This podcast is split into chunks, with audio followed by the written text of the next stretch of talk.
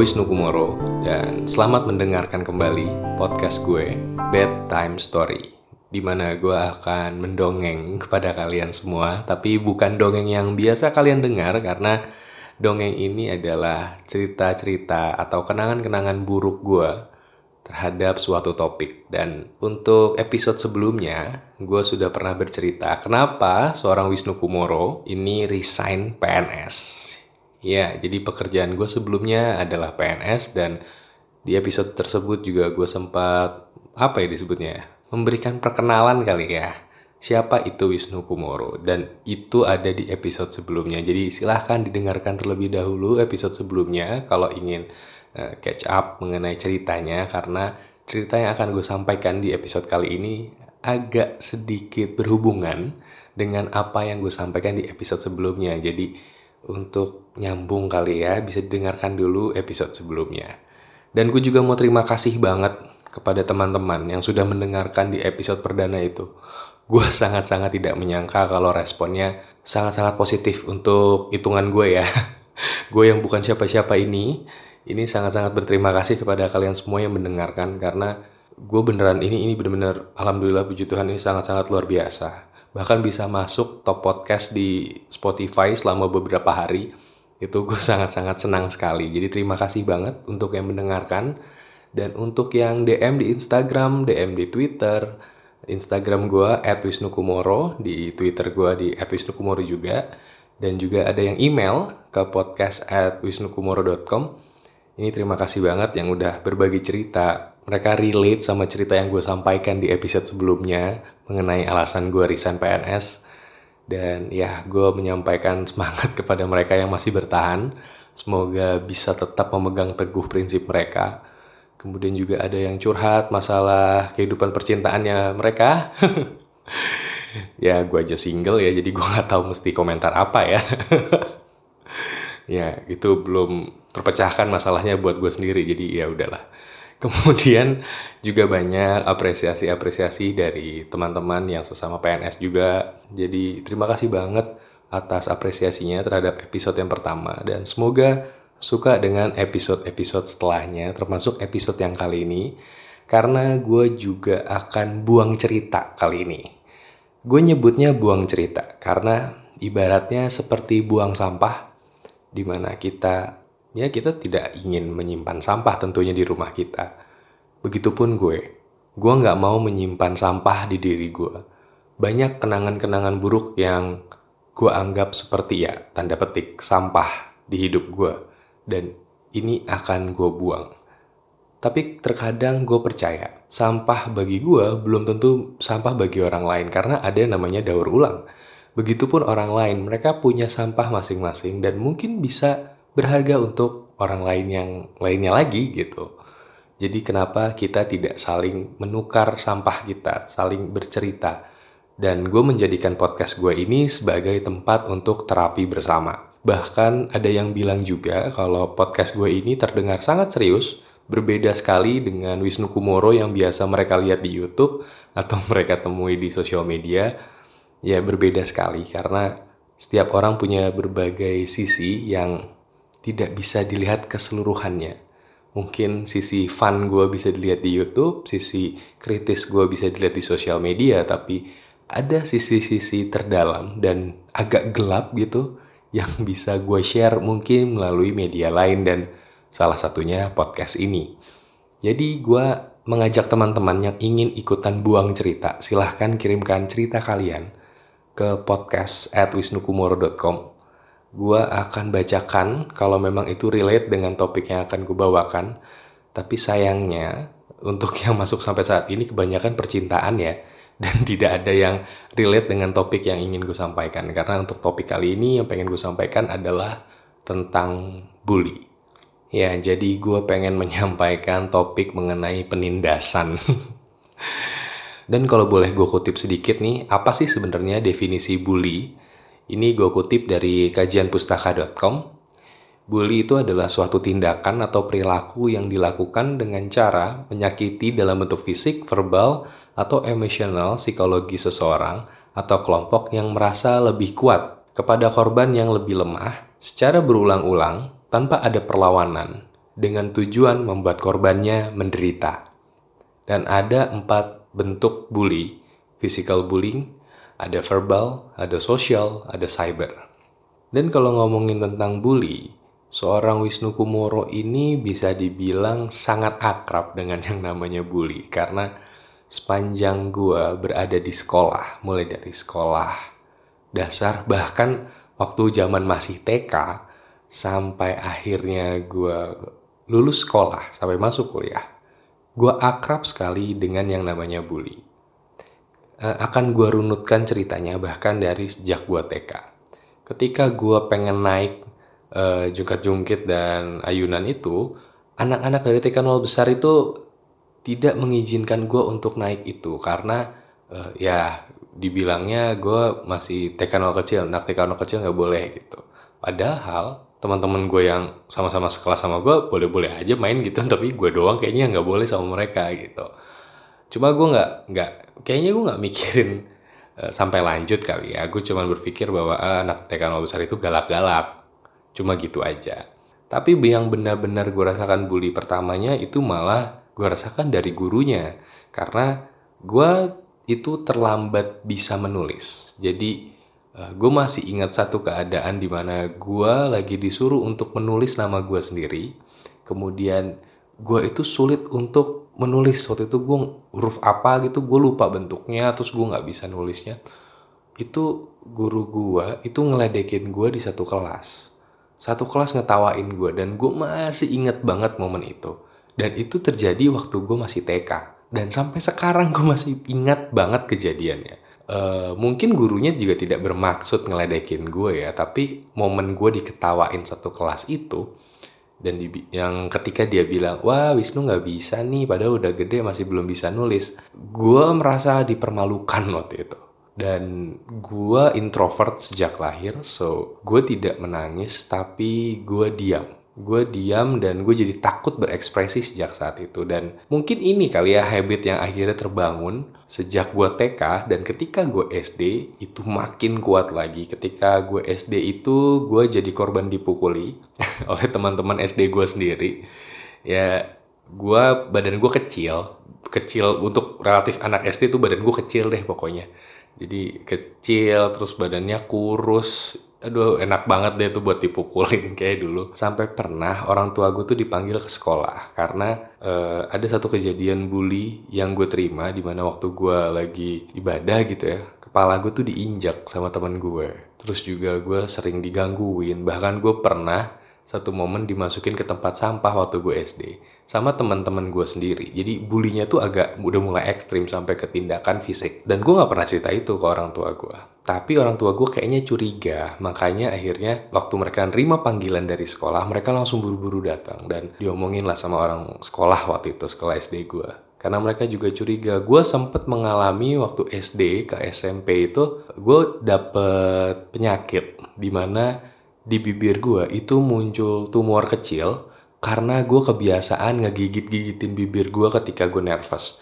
Dan itu adalah kebiasaan menahun dan akhirnya jadi tumor. Dan dokternya waktu itu nanya, kenapa uh, anak ini kayak nggak bisa menyalurkan stresnya sehingga menggigit-gigit bibir sendiri. Uh, dan ya ini kebiasaan gue dari kecil sampai akhirnya gue punya tumor di bibir gue waktu itu. Dan akhirnya setelah dioperasi, alhamdulillah puji Tuhan bisa sembuh meskipun sampai sekarang sebenarnya masih ada side effectnya di bagian dalam bibir gue itu kayak ada bagiannya kayak bekasnya tuh masih ada gitu. Dan kisah bully ini untungnya sempat berhenti ketika gue masuk SMP karena waktu gue SMP bisa dibilang ini isinya teman-teman SD gue juga gitu. Dan mereka cenderung lebih berhenti karena di momen SMP kita mulai kenal yang namanya wanita. Dan wanita-wanita inilah yang membuat laki-laki tukang bully itu menjadi lebih lembut ya. Jadi mereka nggak ngebully gue banget banget lah ya.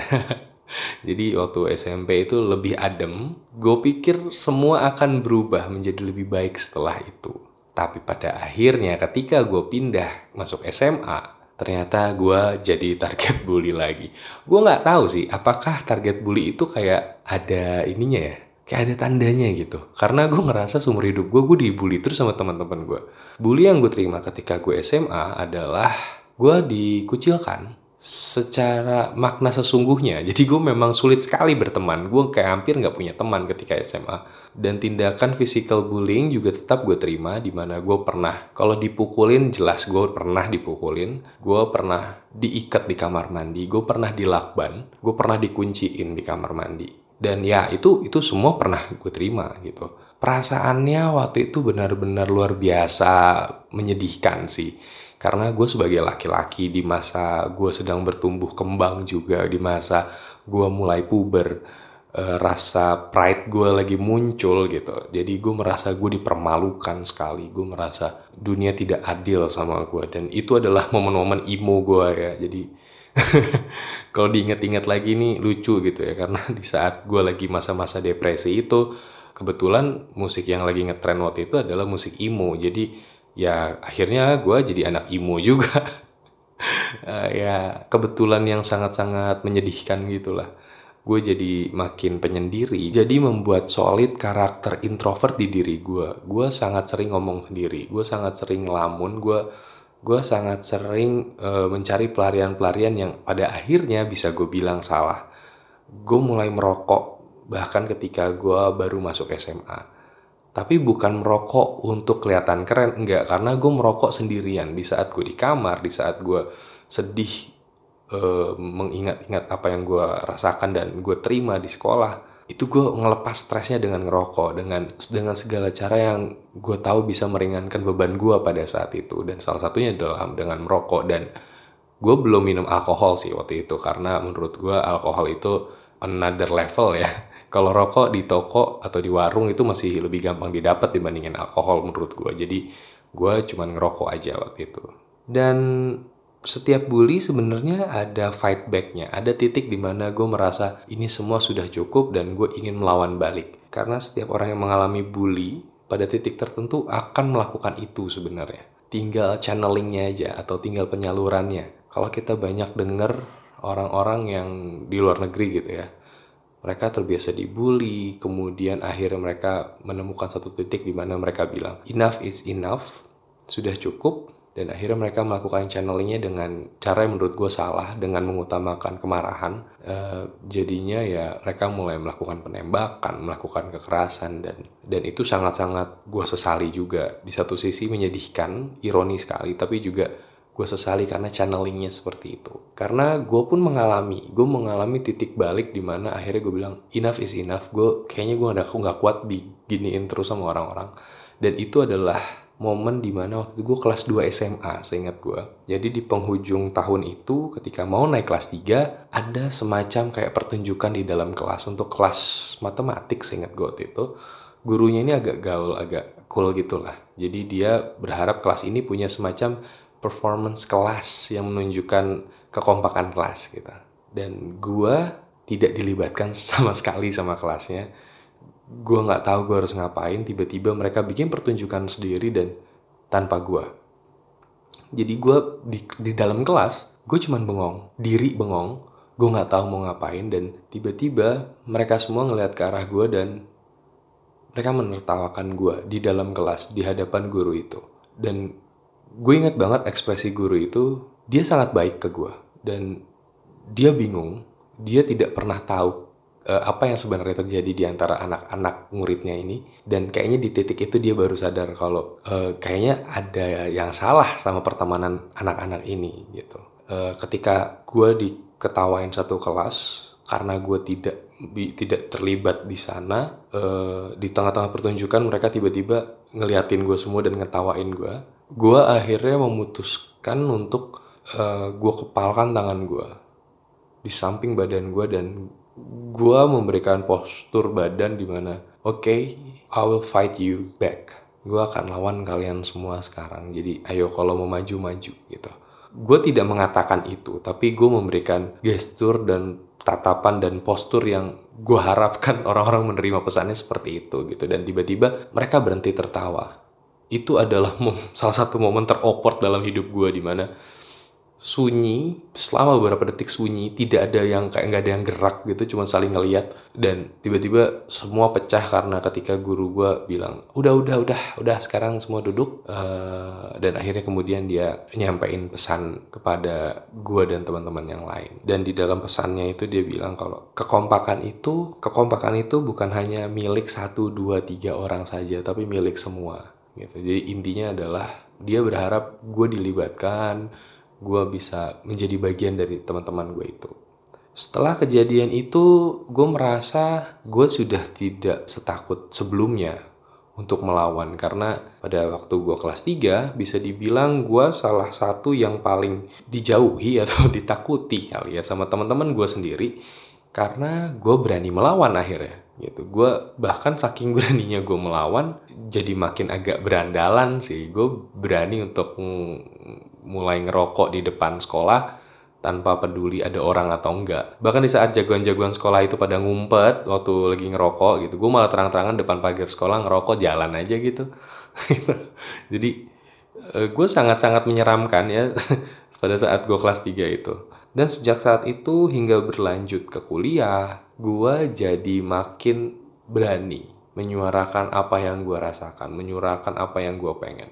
Meskipun memang cara-caranya masih banyak yang salah. Gue melampiaskannya dengan uh, ngerokok, minum alkohol. Uh, minum alkohol is okay sih buat gue sebenarnya, tapi ketika udah sampai ke level mabuk itu udah beda urusan kayak gue mabuk-mabukan, gue ngerokok oh, sampai parah banget dan gue udah berhenti ngerokok sekarang. Jadi buat gue ngerokok itu adalah satu hal kesalahan waktu itu. Dan gue juga jadi melakukan banyak kesalahan lain lah.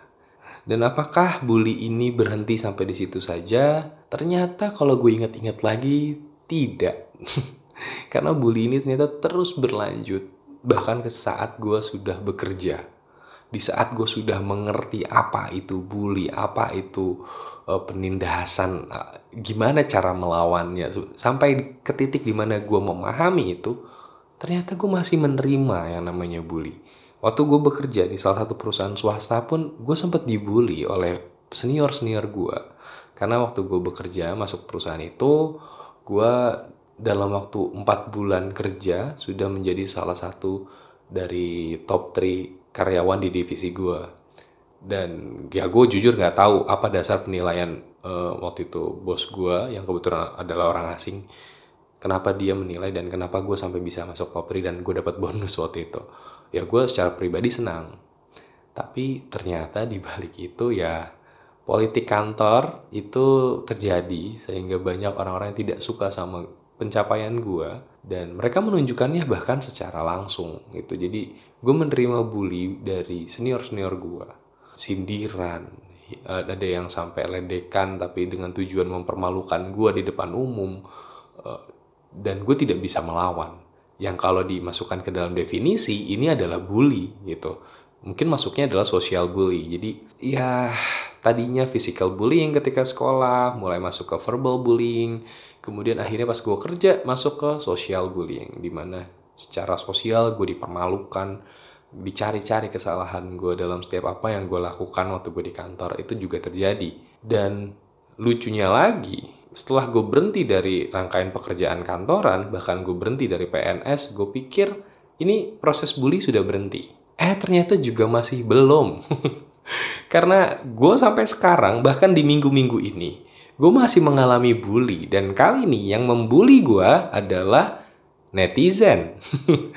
ini cyberbully, ini jelas banget cyberbully. Jadi uh, kalau kalian cek di YouTube gue, ini banyak banget komen-komen yang ngebully gue bukan hanya mengenai konten yang gue buat tapi bulinya sudah masuk ke ranah fisik di mana mereka mencela gue secara fisik kemudian e, melakukan hinaan-hinaan dengan udah pasti dengan tujuan menyakiti perasaan gue kemudian melakukan e, tuduhan-tuduhan yang variabel tuduhannya tidak jelas gitu ya hanya tuduhan-tuduhan bocah gitu sih sebenarnya tapi itu sudah termasuk cyberbully dan gue agak sulit untuk melawannya karena memang ini pertama jumlahnya banyak Dan kalau gue jawab satu persatu, kayaknya melelahkan dan membuang-buang waktu. Tapi sebenarnya di satu sisi lain gue nggak mau membiarkan ini terjadi. Karena gue nggak mau cyberbully ini menjadi sebuah pemakluman. Cukup sudahlah ada akun-akun bully yang akhirnya malah jadi terkenal dan bisa masuk televisi dan di, dianggap sebagai selebriti oleh orang-orang. Let's say sebut aja kayak akun-akun gosip lah gitu. Lambe Tura atau beberapa selebgram yang terkenal karena mereka nyinyir dan bully gitu. There's something wrong with our society right now menurut gue ada yang salah sama masyarakat pada saat ini di mana orang yang bisa bicara dengan tidak santun dan kasar itu dianggap sebagai orang yang seru dan diselebritikan gitu. Jadi sebuah jadi sebuah tolak ukur kesuksesan baru di mana kalau kita bisa seperti itu ya sukses masuk TV dapat banyak uang dapat banyak endorsan. Ya udah ngebully aja gitu. E, jadi keyboard warrior aja lama-lama juga dinotis menurut gue ada hal yang salah paradigma di sini dan menyedihkan e, dan ya gue karena jadi korban jelas gue dirugikan sekali untuk hal ini tapi tapi gue juga udah mulai kehabisan cara bagaimana mencegah cyberbully ini. Ini adalah hal yang sangat sulit, makanya banyak juga pihak-pihak yang mencoba mengurangi, tapi pada akhirnya ini balik lagi ke habit, balik lagi ke selera, karena ada orang-orang yang menyukai bully ini. Dan kalau bisa kita bahas mulai dari cerita gue dibully saat lagi mau naik jungkat-jungkit di TK sampai pada akhirnya gue di sekolah physical bullyingnya sangat banyak sekali. Mulai dipukulin di di kamar mandi di lakban lah. Sampai bully yang secara sosial waktu gue sedang bekerja. Kemudian juga cyberbully yang akhir-akhir ini lagi gue terima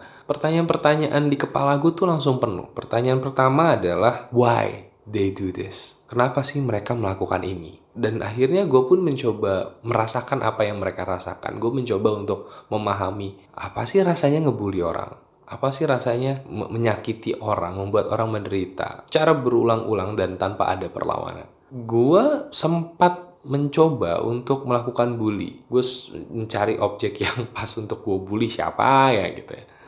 Akhirnya gue mencari satu dua objek yang kebetulan objeknya bukan manusia, tapi adalah sebuah atau beberapa buah komunitas yang memang juga senang ngebully. Akhirnya gue bully balik aja gitu dan gue merasakan memang oke okay, ternyata gue tahu kenapa orang-orang banyak melakukan ini ternyata seru juga ya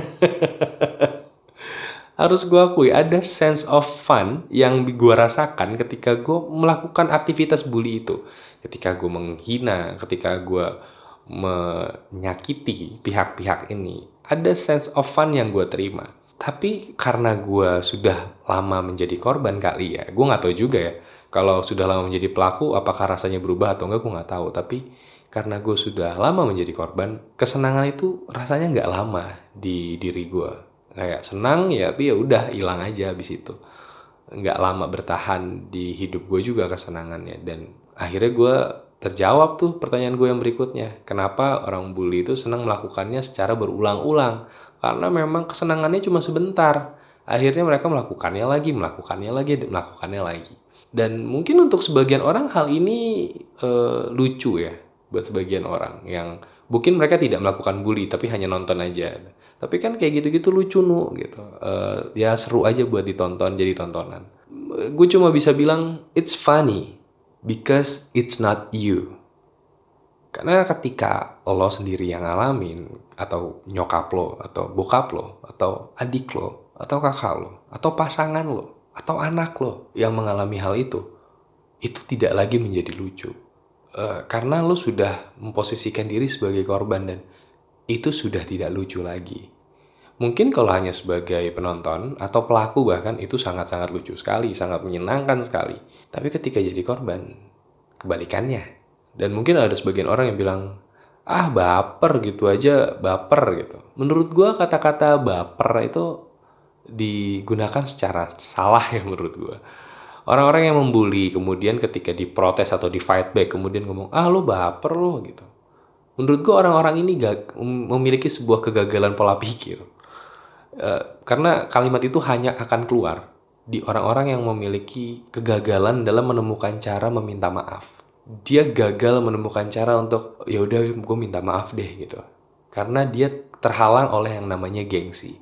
Dia gagal untuk memiliki kemampuan bersosial. Jadi ya itu adalah cara agar dia menjaga pride-nya dia. Dia sudah menghina, dia sudah melakukan penindasan, oh ternyata di fight back dan dia tidak menemukan cara untuk meminta maaf, dia tidak menemukan cara untuk memperbaiki keadaan, ya tinggal bilang, ah lo gitu aja baper. Sehingga dia ingin melakukan pewajaran keadaan. Dia ingin keadaan itu dianggap wajar.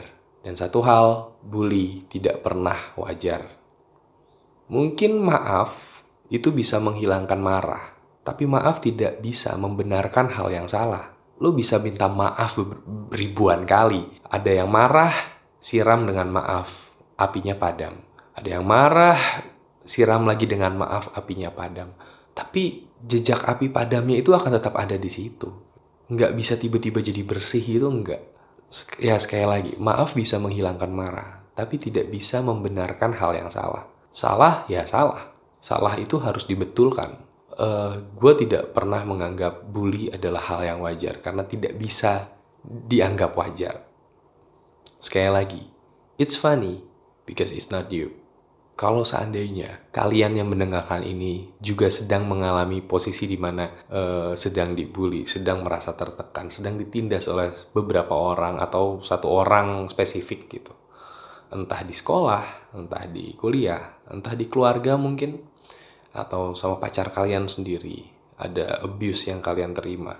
Jadi untuk kalian yang mengalami bully, dalam kondisi apa pun, gue paling cuma bisa menyarankan kalian untuk coba cari cara untuk menyalurkan stres kalian dengan lebih baik sehingga kalian menemukan momentum untuk melawan. Karena kalau cara baiknya sudah ketemu, perlawanannya juga akan baik. Jadi sebelum kalian melawan, ketika kalian tidak yakin, aduh gimana ngelawannya, gimana ngelawannya, temukan dulu cara baiknya. Ketika caranya sudah ketemu, lawan gunakan cara baik tersebut. Jangan sampai salah cara, karena salah cara dalam melawan bisa berakibat lebih buruk lagi. Dan yang terburuk dari melawan bully adalah menjadi bully yang baru. Jadi jangan jadi bully yang baru, karena nggak usah ditambah lagi populasi orang kayak gitu. gitu. orang kayak gitu biarin punah aja kalau perlu. Dan untuk kalian yang mungkin para pelaku bully, bahkan kalau kalian mungkin kenal gue, kenal Wisnu Kumoro, dan pernah membuli Wisnu Kumoro waktu dia SMA, SMP, atau pas lagi SD, atau pas lagi kantor. Atau kalian adalah salah satu netizen yang nyela-nyela gue dan bikin saya berbuli gitu. Gue cuma ingin melakukan dua hal untuk kalian. Pertama adalah berterima kasih. Terima kasih berkat kalian, gue jadi belajar sesuatu hal yang sangat-sangat berharga buat hidup gue sekarang.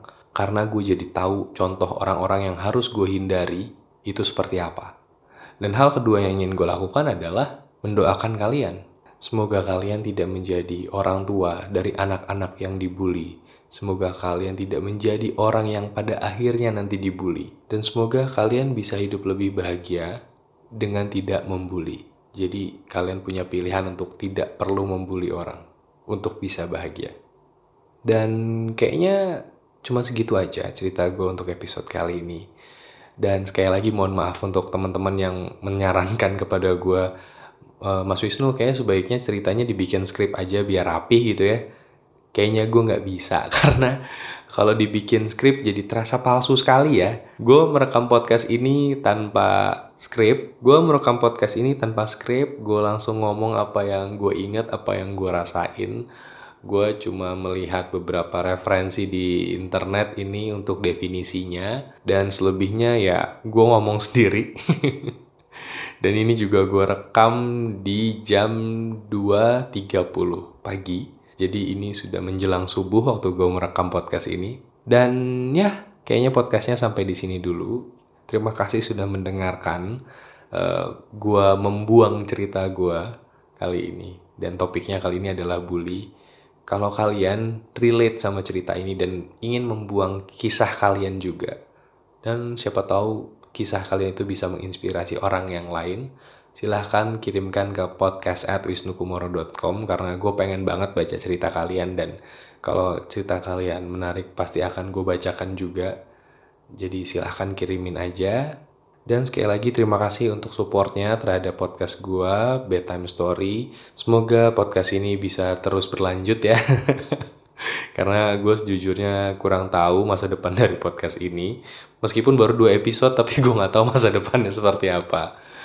Tujuan awal gue membuat podcast ini hanya untuk menjadi tempat terapi bersama sebenarnya. Jadi ini tempat gue membuang cerita dan gue mengajak teman-teman yang mendengarkan juga untuk membuang cerita yang sama seperti gue. Jadi ya ini adalah tempat terapi kita bersama. Semoga bisa membantu, semoga bisa melegakan buat yang mendengar dan semoga ada faedahnya meskipun yang gue ceritakan adalah aib. Dan sekian Wisnu Kumoro pamit. Sampai ketemu di podcast berikutnya. Dadah.